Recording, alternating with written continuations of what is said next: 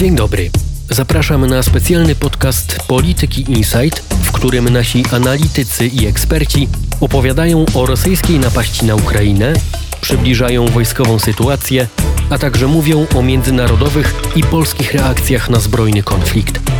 Zastanawiamy się również, jak wojna wpłynie na światowy układ sił i gospodarcze relacje. Nazywam się Karol Tokarczyk i zapraszam na dzisiejsze wydanie Stanu Wojny.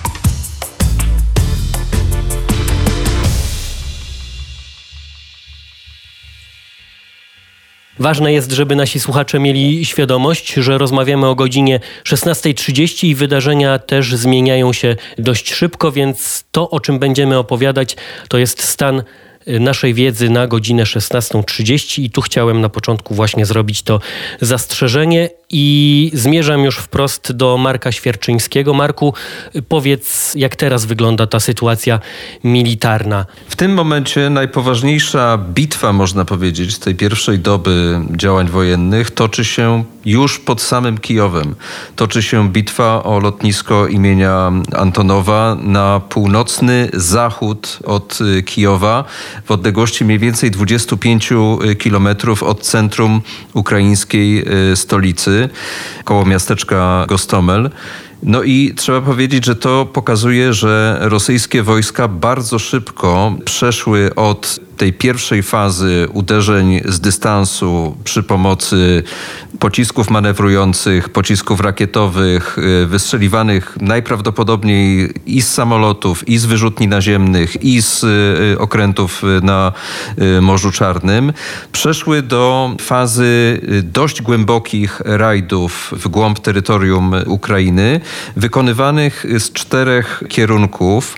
No po pierwsze z tego terytorium na wschodzie czy też na południowym wschodzie w zasadzie zajętego wcześniej i kontrolowanego od dawna przez Rosję, czyli z tych republik e, samozwańczych, z północnego wschodu, gdzie z kolei stacjonowało za granicą, czyli na, e, terytorium Rosji, takie najpotężniejsze ugrupowanie uderzeniowe pancerno zmechanizowane, z terytorium zagarniętego Ukrainie e, Krymu, no i z tego kierunku północnego, czyli z terytorium Białorusi. Y, bo trzeba sobie jasno powiedzieć, że tak jak wielokrotnie też my w polityce Insight zwracaliśmy uwagę, y, ta koncentracja wojsk rosyjskich na Białorusi, bezprecedensowa, no miała na celu właśnie zagrożenie samemu Kijowowi. I widać wyraźnie, że w tej operacji właśnie wojska atakujące Kijów zmierzają do niego z terytorium Białorusi. No i tak jak mówię, y, o ten, o ten kierunek operacyjny toczy się w tej chwili najbardziej zażarta y, bitwa. Natomiast trzeba powiedzieć, że najgłębiej udało się Rosjanom wejść na terytorium y, ukraińskie od południa z Półwyspu Krymskiego. Tam, no, według różnych y, doniesień, wojska rosyjskie weszły na odległość 100, 120, 130 kilometrów. Niektóre źródła podają, że wręcz oparły się już o ten przyujściowy odcinek Dniepru, rzeki, która, no przypomnijmy, dzieli Ukrainę praktycznie na połowę. W każdym razie te dwa obszary, południowy i północny obszar operacyjny, wydają się być w tej chwili największymi problemami dla wojsk ukraińskich, dla obrońców i tam wydaje się, że największe sukcesy odnoszą Rosjanie. Relatywnie niewielki postęp y, tej ofensywy widać w tych obszarach y, wschodnich i y, północno-wschodnich. Może to wynikać z faktu, że po prostu prostu przez te wiele lat y, wojny Ukraińcy, ukraińscy y, obrońcy byli tam no, lepiej przygotowani po prostu do obrony, lepiej mieli rozpoznane kierunki czy też korytarze poruszania się wojsk y, rosyjskich i dlatego być może teren też mieli okazję lepiej przygotować. To jest niezwykle ważne oczywiście w walce lądowej. W związku z tym tamta ofensywa przebiega Rosjanom trudniej. Ukraińcy podawali, że, że wręcz odparli jeden z ataków na to właśnie takie pograniczne, pograniczne w sensie między terytorium Ukrainy kontrolowanej przez władze w Kijowie, a y, terytorium separatystów y, miejscowości Szczastie. W każdym razie, tak jak mówię, kierunek północny i południowy wydaje się w tej chwili najbardziej narażony i najbardziej zagrożony. No a oczywiście ta bitwa, o której wspomniałem na samym początku, o lotnisko pod Kijowem, ona może de facto przesądzić o losie y, ukraińskiej stolicy. No bo nie jest y, dla nikogo, kto choć trochę zna realia wojskowe, nie jest y, żadną tajemnicą, po co Rosjanie chcą zająć to lotnisko. Chcą je zająć po to, żeby ustanowić niejako taki most powietrzny, w wyniku którego samoloty, duże samoloty transportowe będą mogły lądować w zasadzie na przedmieściach ukraińskiej stolicy i wysadzać tam olbrzymie ilości sprzętu wojskowego i żołnierzy. Ten desant, co ciekawe, został dokonany przy pomocy śmigłowców y, transportowych i śmigłowców uderzeniowych. Zresztą Rosjanie utracili kilka maszyn, starając się podejść właśnie pod to lotnisko. Jedna z nich została dosyć dokładnie sfilmowana nawet przez y, Ukraińców.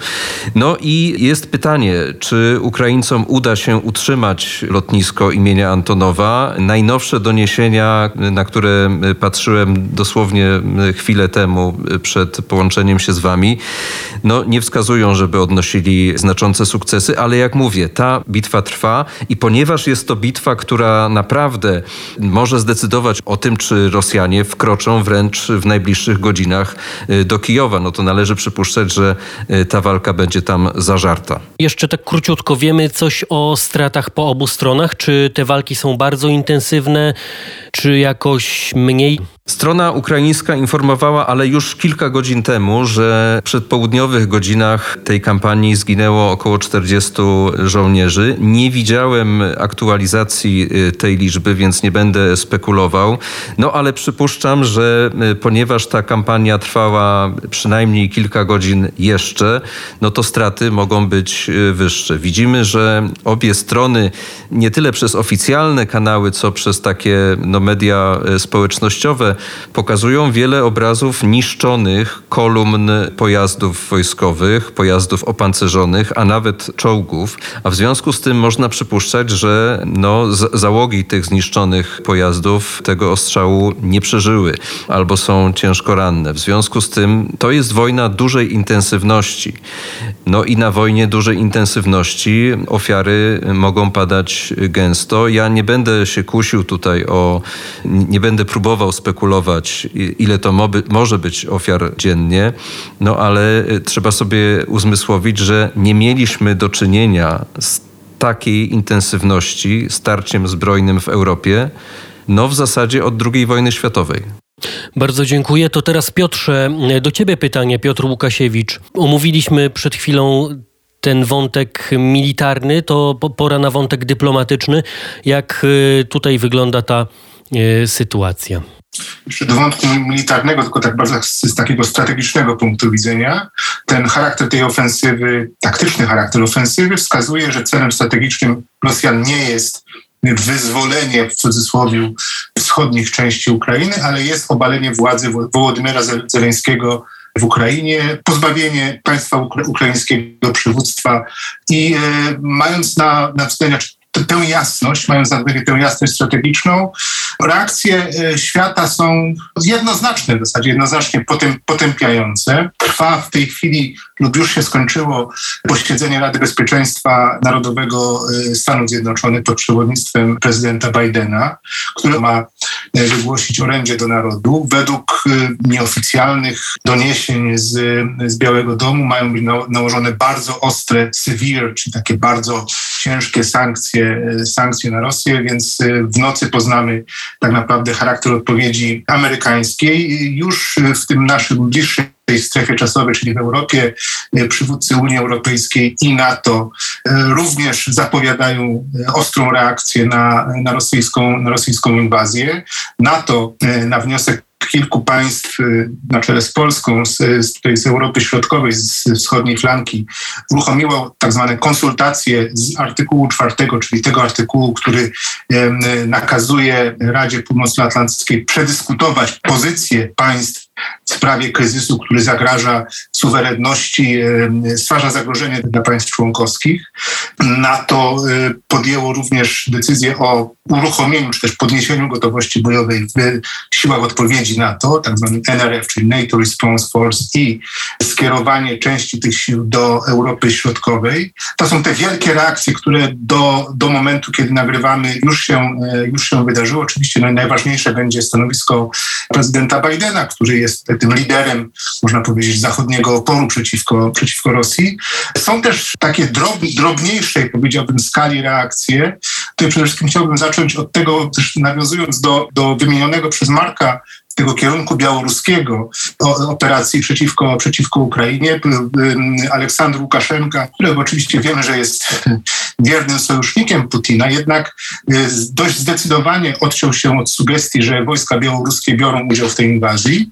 Zaznaczył, że, że oczywiście, że, że, że nie ma tam wojsk białoruskich. Pojawiły się jakieś w sieci informacje mocno, mocno niepewne o ludziach w mundurach białoruskich, ale to jest, to jest to już pewnie część jakiejś wojny informacyjnej. Dyplomatycznie Łukaszenka troszeczkę niuansuje swoją, swoją postawę. Oczywiście my, my, co do zasady wiemy, że on jest sojusznikiem Putina, tutaj nie ma, nie ma dwóch zdań, natomiast proponuje jakieś pośrednictwo w rozmowach ukraińsko-rosyjskich. Gdzieś zasugerował wręcz, że Chiny mogłyby do takiego formatu zostać doproszone, czyli usiłuje taką grać, grę, z której był znany jeszcze, jeszcze kilka lat temu, kiedy cieszył się nieco większą autonomią niż obecnie. Z takich innych, powiedzmy, mniejszej skali odpowiedzi interesujące są również y, słowa prezydenta Turcji, Recepa Erdogana, który bardzo stanowczo potępił inwazję y, rosyjską na Ukrainę. Również obraduje Rada Bezpieczeństwa Turcji obecnie po południu dzisiejszego, dzisiejszego dnia. Prezydent y, Zwrócił się do Erdogana z dość interesującą prośbą o zablokowanie Bosforu i Dardaneli. Turcja według układów międzynarodowych sięgających jeszcze czasu sprzed II wojny światowej sprawuje wyłączny nadzór nad, nad tym przejściem z Morza Śródziemnego na, na Morze Czarne. No i właśnie wykorzystując ten, ten argument prawny, traktatowy, prezydent Zełęński zwrócił się do prezydenta Erdogana o zablokowanie, o zablokowanie Bosforu. Piotrze, powiedzmy jeszcze, trochę przybliżmy to, co Unia Europejska planuje. To jest pierwsza rzecz, o którą chciałbym Cię zapytać, bo pewnie te decyzje i te sankcje będą miały mm, najbardziej istotne gospodarczo też pewnie znaczenie. A druga sprawa, bo ty mówiłeś o tej Białorusi, to wydaje się super ciekawe, to znaczy Aleksander Łukaszenka, tak jak wspomniałeś, odcina się bezpośrednio od tej inwazji, ale de facto wydaje się, chyba nawet jest pewne, że no, ma krew na rękach, prawda? Jak, jak, jak byś się do tego odniósł? Z pewnością Białoruś jest terytorium, z którego wyszła inwazja, część inwazji, czy też można wojska inwazyjne w kierunku Ukrainy. I tu nie ma wątpliwości, że, że Łukaszenka jest w ścisłym, pozostaje w ścisłym sojuszu z Putinem. To, o czym wspomniałem, czyli to takie trochę niuansowanie, niuansowanie przekazu, no, to jest taka typowa, znaczy typowa. Kiedyś on grał mocniej taką, taką grę na autonomię, teraz również stara się ją rozgrywać i to jest właśnie taka no, podwójna gra, można powiedzieć, Łukaszenki i o tym, o tym są jego słowa. Również ta propozycja pośrednictwa dyplomatycznego, no, ona jest oczywiście, możemy powiedzieć, że ona jest pusta, w tym sensie, że, że Putin raczej chyba widzimy, nie zamierza korzystać w tej chwili z żadnego rozwiązania e, dyplomatycznego. Niemniej jednak warto zauważyć, e, że, że Białoruś odgrywa, widzimy, bardzo ponurą rolę w, w wydarzeniach dnia dzisiejszego i w ogóle w całym podejściu do tej, do tej, do tej inwazji. Niemniej jednak warto również obserwować to, co, to, co będzie się działo na Białorusi e, w związku z, z inwazją, inwazją na, na Ukrainę. E, natomiast jeśli chodzi o, o aspekt unijny, mieliśmy, obserwowaliśmy dzisiaj dość rzadko spotykany widok wspólnego wystąpienia przywództwa Paktu Północnoatlantyckiego i Unii Europejskiej. W czasie tego, tego, tego wystąpienia Ursula von der Leyen poinformowała, że o 19 dzisiaj w czwartek odbędzie się no znowuż takie kryzysowe posiedzenie posiedzenie przywódców Unii Europejskiej, państw Unii Europejskiej, na których ogłoszone zostaną sankcje o charakterze też takim jak, jakby zgodnym z, z sankcjami no, amerykańskimi, czyli zamrożenie, prawdopodobne zamrożenie e, majątków e, wybranych Rosjan w Europie, odcięcie dostępu banków rosyjskich do kanałów finansowych europejskich oraz rozważana będzie, czy też dyskutowana będzie otwarcie możliwości podejścia do członkostwa Ukrainy w Unii Europejskiej, co byłoby no, dość e, przełomowym chyba też z punktu widzenia samej Ukrainy gestem, można powiedzieć spóźnionym, bo Ukraina o to stara się o otwarcie takiej ścieżki do struktur zachodnich, struktur europejskich i zachodnich w ogóle od co najmniej 2008 roku. No niemniej jednak taka sprawa ma być dzisiaj od godziny 19 dyskutowana. Jeśli mogę jeszcze dwa słowa dorzucić e, w sprawie e, białoruskiej, bo niezależnie od tego, co e, Aleksander Łukaszenka będzie opowiadał, e, proponował albo wręcz wygadywał, to warto wziąć pod uwagę, że strona białoruska, e, strona ukraińska, przepraszam, podaje, że przynajmniej cztery pociski balistyczne zostały wystrzelone z terytorium Białorusi na terytorium Ukrainy. A to by znaczyło, że Białoruś udostępniła swoją ziemię dla dokonania jednego z najpoważniejszych aktów agresji rosyjskiej, a w związku z tym ponosi pełną współodpowiedzialność za wydarzenia, które w tej chwili mają miejsce. Nawet jeżeli próbuje tłumaczyć, że nie jest, że nie uczestniczy, że jej siły zbrojne nie uczestniczą w samej inwazji. Natomiast jeśli chodzi o te spotkania międzynarodowe, to warto również podkreślić, że jutro y, odbędzie się wirtualny szczyt NATO, szczyt przywódców państw y, członkowskich. Y, to jest wydarzenie no, bezprecedensowe, zwłaszcza, że następuje zaledwie nazajutrz po tych obradach Rady Północnoatlantyckiej w trybie artykułu 4 i po y, bardzo ważnych decyzjach właśnie o aktywacji sił odpowiedzi i y, aktywacji planów y, obronnych. Dzisiaj sekretarz generalny unikał odpowiedzi na pytanie, kiedy ostatnio taka rzecz miała miejsce, bo twierdzi, że po prostu tamte wcześniejsze decyzje nie zostały, no, nie została z nich, z nich zdjęta klauzula niejawności, więc on o tym nie może opowiadać. Ale na pewno mamy do czynienia z wydarzeniami, bezprecedensowymi, jeżeli chodzi o zaangażowanie sojuszu militarnego świata zachodniego i należy się spodziewać, że e, te decyzje, które dzisiaj zostały ogłoszone, nie są ostatnie, a są wstępem do dalszego umocnienia e, NATO na wschodniej flance. Na pewno będzie o tym mowa jutro na szczycie przywódców, którzy w końcu no, są taką ostateczną instancją, prawda? Rada Północnoatlantycka obradująca właśnie na szczeblu przywódców państw i rządów, to jest najwyższy organ decyzyjny NATO, można się spodziewać bardzo poważnych rozstrzygnięć, wzmocnienia e, wschodniej flanki, tak jak mówił Stoltenberg, od Arktyki aż po e, Morze e, Śródziemne.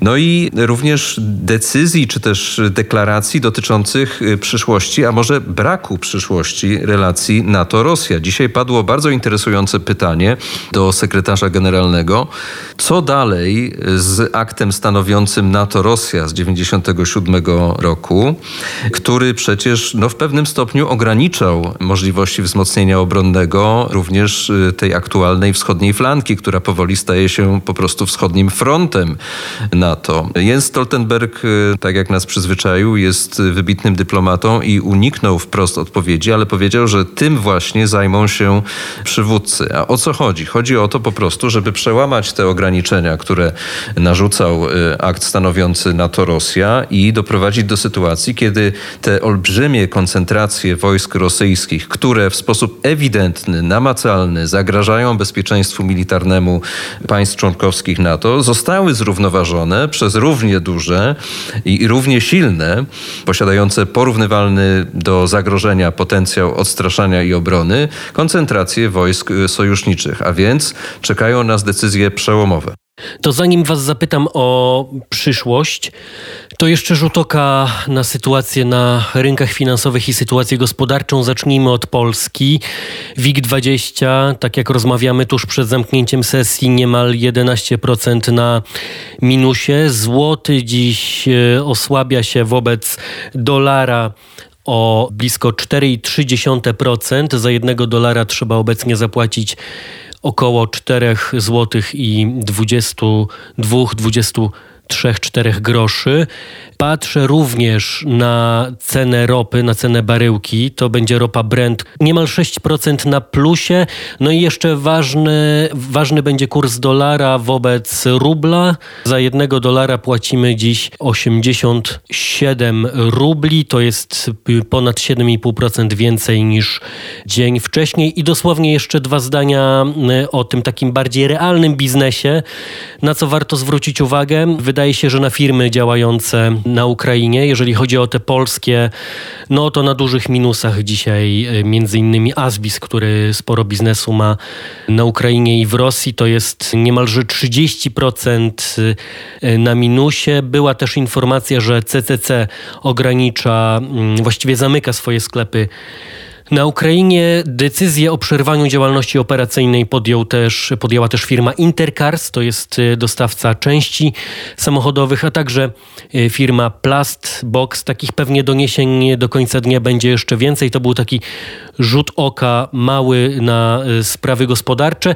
Czyli ta wojna będzie nas kosztować, już, już nas kosztuje w wymiarze ekonomicznym, będzie kosztować państwa, będzie kosztować gospodarki.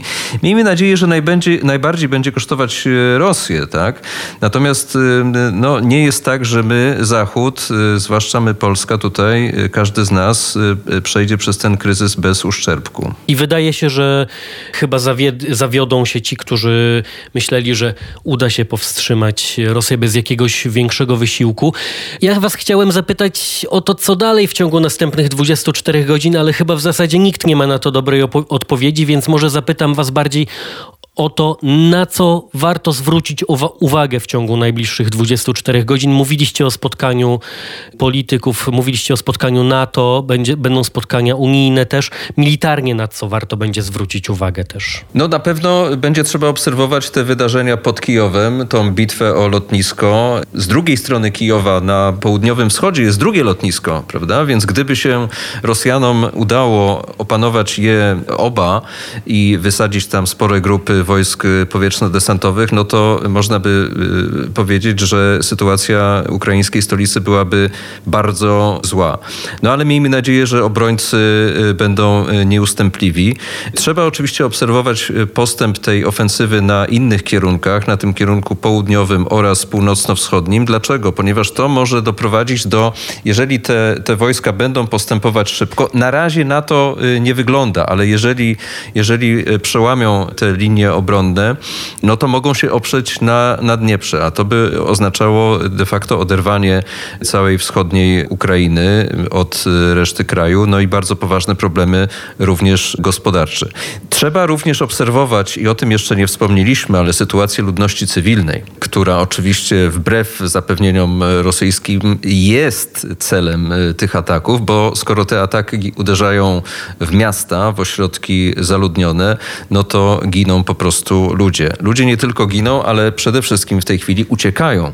Uciekają z Kijowa na zachód przez Żytomierz w kierunku granicy polskiej. Ta podróż jest potwornie trudna, strasznie długa, ponieważ tworzą się olbrzymie zatory, korki. Zresztą ten rejon również jest y, odsłonięty na te ataki ze strony y, granicy białoruskiej. Więc ta podróż może być po prostu strasznie niebezpieczna. Ale jeżeli się uda przedrzeć tym ludziom aż do granicy polskiej, no to pewnie w nocy, może jutro znajdą się na tej e, polskiej granicy. Trudno jest ocenić skalę tego eksodusu. Ja szczerze mówiąc nie przywiązywałbym się do, do ciągle tych powtarzanych w zasadzie w kółko w telewizji e, obrazów, bo one no właśnie mogą być po prostu nieco mylące. Trudno powiedzieć, czy to jest liczba kilkudziesięciu tysięcy osób, czy kilku tysięcy osób, czy może, czy może więcej. W każdym razie ta fala uchodźców prędzej czy później, raczej prędzej niż później, również do naszych granic dotrze. No no i trzeba będzie im pomóc. Polskie władze tutaj uruchomiły w zasadzie wszystko, co mają do dyspozycji, więc należy przypuszczać, że ta akcja będzie przebiegać w miarę sprawnie. No ale oczywiście w trudniejszym położeniu będą ci, którzy na Ukrainie zostaną i dla nich trzeba będzie uruchomić y, jakiegoś rodzaju y, pomoc. Na razie, na razie ludność y, cywilna nie daje oznak paniki, tak? Nie ma, nie ma jakichś, oczywiście są trudności z funkcjonowaniem bankomatów, stacji paliw. To jest normalne w zasadzie w sytuacji wojennej, ale Ukraińcy też no, chyba mogli się do tego przygotować. Wiemy o tym, że są udostępnione stacje metra na przykład jako schrony przeciwlotnicze, więc, więc no, należy po prostu trzymać kciuki również za cywilów ukraińskich. Warto obserwować też y, te małe czynniki, które będą wpływały na wojnę, bo oczywiście no, możemy założyć, że możemy powiedzieć, że Władimir Putin jest w tej chwili militarnym panem sytuacji, to znaczy jego, jego zdecydowane uderzenia zmierzają do osiągnięcia przewagi w powietrzu, przewagi, przewagi również na lądzie nad armią ukraińską. Natomiast warto będzie patrzeć, jakby, jak, jak będzie wyglądało, jeśli w ogóle tego dojdzie oczywiście, do ewentualnego wejścia sił rosyjskich do miast, do dużych miast y, y, ukraińskich, jak to będzie odebra, odbierane przez, y, no właśnie, z jakim oporem się spotka i jak będzie wyglądało. I również czym dłużej ta wojna będzie trwała, jak będzie się rozwijała sytuacja, no, nazwi, nazwałbym to taką partyzancko-powstańczą, jeśli taka, jeśli taka nastąpi, oraz obserwować te rzeczy, te aspekty wojny, nad którymi Putin nie będzie miał kontroli, znaczy nad sytuacją międzynarodową, nad sytuacją ekonomiczną w swoim kraju również, bo, bo zdaje się, że faktycznie przygotowywane sankcje będą e, mocno, bardzo mocno uderzały. Nie tylko w rosyjską gospodarkę, ale również e, w poczucie bezpieczeństwa obywateli rosyjskich, których pensje, emerytury muszą muszą być przez państwo. Na tym się, to, na, tym, na tym się otwiera kontrakt y, społeczny w Rosji, że państwo zapewnia tym ludziom stabilność finansową, jakąkolwiek. Bardzo dziękuję. Tu stawiamy kropkę. Dział Bezpieczeństwa i Spraw Międzynarodowych. Marek Świerczyński, czyli jego szef i Piotr Łukasiewicz, czyli analityk tegoż działu. Bardzo dziękuję za tę rozmowę.